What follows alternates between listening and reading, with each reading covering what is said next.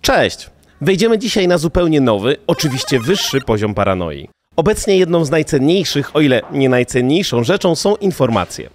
Dane, które przechowujemy, narażone są w związku z tym na wiele niebezpieczeństw. Mogą zostać wykradzione, zaszyfrowane oprogramowaniem ransomware, czy po prostu wyciec na światło dzienne w wyniku jakiegoś błędu w konfiguracji naszych usług.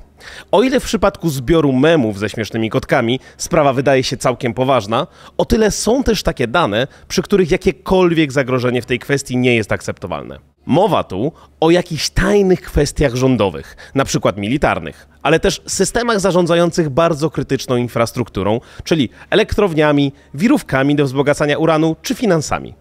Jak rozwiązać problem narażenia maszyn odpowiedzialnych za tak ważne kwestie na atak z internetu? No w sumie jest to dość proste. Można nie podłączać ich do internetu, czy też jakiejkolwiek innej sieci. Nazywa się to w branżowym żargonie AirGap, czyli taka przerwa z powietrza. Dość obrazowo, nie powiem. Taki sprzęt z założenia nie jest wyposażony w karty sieciowe, w szczególności bezprzewodowe. Tak, dotyczy to także Bluetootha. Ale może nie mieć też możliwości włożenia pendrive'a. Dostęp do niego może być chroniony wieloetapową weryfikacją, monitoringiem oraz umieszczeniem w takiej fizycznej lokalizacji, aby dostęp do niego miała tylko garstka ściśle uprawnionych osób. Dane przechowywane w takim miejscu wydają się więc niemożliwe do wyciągnięcia przez osoby postronne. Prawda? Prawda? Zapraszam.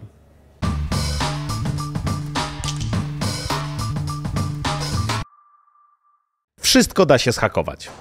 Tęgie głowy zajmujące się cyberbezpieczeństwem nie takie zabezpieczenia już łamały. Jednak warto mieć świadomość, że zaatakowanie urządzenia, które pod każdym względem, przynajmniej zdaniem jego projektantów, zostało na ataki przygotowane, nie jest ani proste, ani tanie. Szczególnie jeżeli nie ma ono dostępu do sieci. Stąd nie ma się co dziwić, że jeżeli już na światło dzienne wyciekają jakieś informacje o przeprowadzeniu takiej akcji z sukcesem, to zaangażowane są w to najczęściej jakieś agencje wywiadowcze cybermocarstw. W wycelowanej bardzo precyzyjnie wieloetapowej kampanii przeciwko komuś używa się narzędzi, które z oczywistością nie mają niczego wspólnego. W bardzo kreatywny sposób wykorzystują one różnego rodzaju mechanizmy czy błędy. Często ich elementem są tak zwane ataki side channel, czyli takie nie wprost. Tutaj naprawdę czapki z głów przed kreatywnością niektórych badaczy, bo brzmi to trochę jak czarna magia albo film sensacyjny klasy C.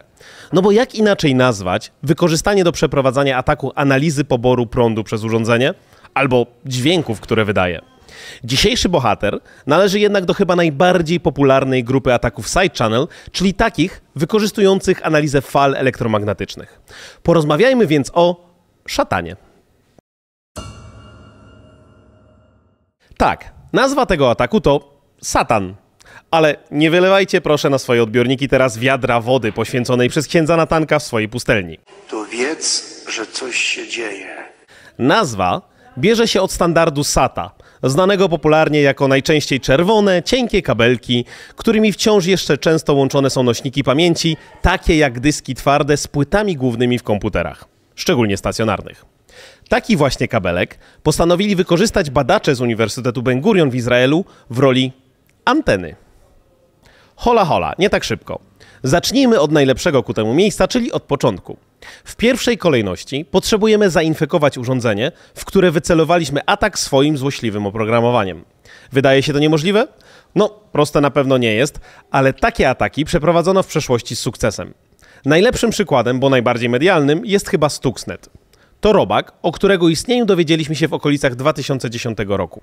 Wycelowany był w irańskie wirówki do wzbogacenia uranu, aby zatrzymać ich program nuklearny. Nie będę teraz opowiadał o szczegółach tak Stuxneta, jak i budowy broni jądrowej, może jeszcze kiedyś będzie ku temu inna okazja. Warto jedynie w tym miejscu wiedzieć, że zaatakowane robakiem urządzenia udało się zainfekować pomimo AirGapa, czyli były one odłączone całkowicie od sieci. Wykorzystano do tego pendrive'y jako wektory ataku. To z punktu widzenia osoby zainteresowanej cyberbezpieczeństwem jest naprawdę niesamowite osiągnięcie, pokazujące, że nikt nie jest bezpieczny. Ale jakby tak pójść o krok dalej? No bo wiecie, Stuxnet był w stanie w niesamowity sposób coś zepsuć. A co jakbyśmy z takiego odciętego od wszystkiego i zamkniętego na 7 spustów urządzenia chcieli jakieś dane wykraść? Czy to jest w ogóle możliwe? To kolejny etap ataku, czyli tak zwana eksfiltracja. W przypadku Satana wykorzystano do tego w bardzo innowacyjny sposób fale elektromagnetyczne. No bo widzicie, jeżeli przesyłamy na przykład z dysku twardego do procesora jakieś dane, to robimy to wykorzystując jakiś kabel i płynący w nim prąd. Konkretne porcje danych można przypisać do konkretnych zmian na poziomie stricte elektrycznym, a prąd przechodzący przez jakiś przewodnik zawsze powoduje zmiany w polu elektromagnetycznym. Odpowiednio więc przygotowując dane do przesłania, jesteśmy w stanie kontrolować, jak zmieni się pole elektromagnetyczne w pobliżu kabla, którym te dane są przesyłane. Dokładnie w taki sam sposób działa przecież każda antena. Badacze postanowili więc sprawdzić, czy można ten cały proces kontrolować z taką dokładnością, aby być w stanie w ten sposób przesyłać konkretne informacje. No i okazało się, że tak. Wykorzystując odbiornik pracujący w paśmie 6 GHz, udało się przesłać na niego słowo secret z urządzenia schowanego za airgapem. Tutaj jednak pojawia się dość istotna komplikacja. No, tak jakby wcześniej było prosto. Po pierwsze, transmisja jest tylko jednostronna. Nie można w ten sposób wysłać do atakowanego urządzenia żadnych instrukcji, co ma ono zrobić. Przynajmniej na razie.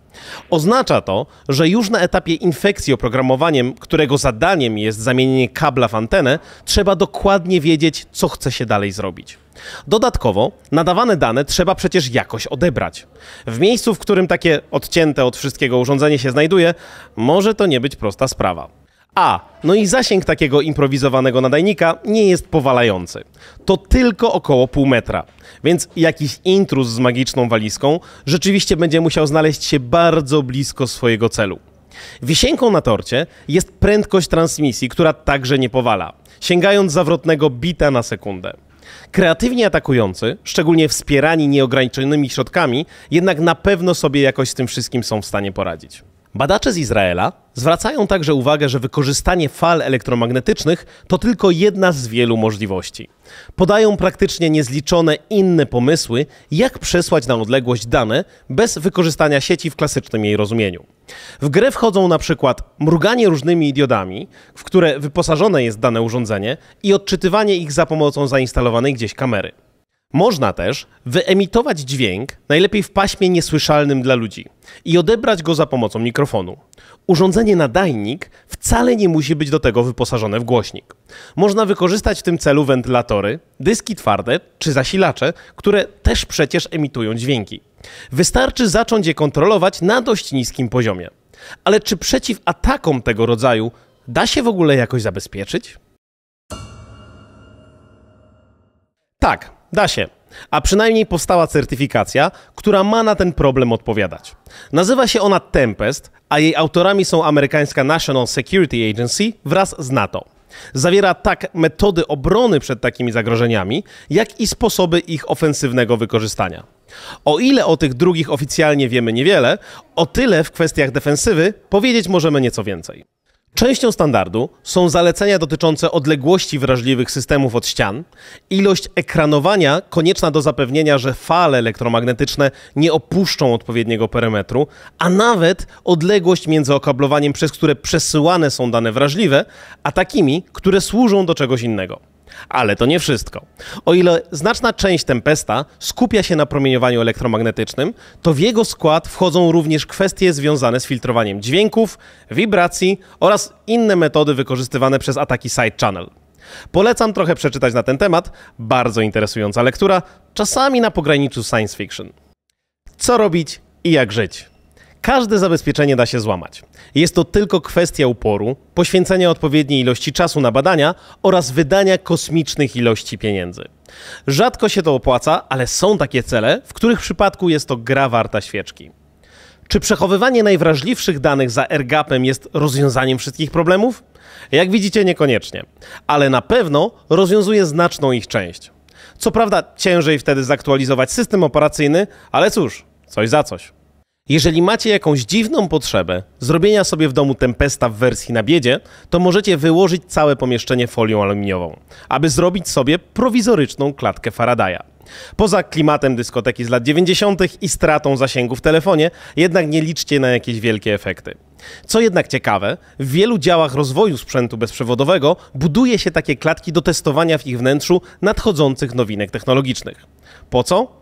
Ano po to, aby nie zakłócać codziennej komunikacji wszystkim dookoła. Tam jednak używa się trochę bardziej skomplikowanych rozwiązań niż tapety z rękawów do pieczenia kurczaka. I to już wszystko na dziś. Tymczasem dziękuję za Waszą uwagę i do zobaczenia.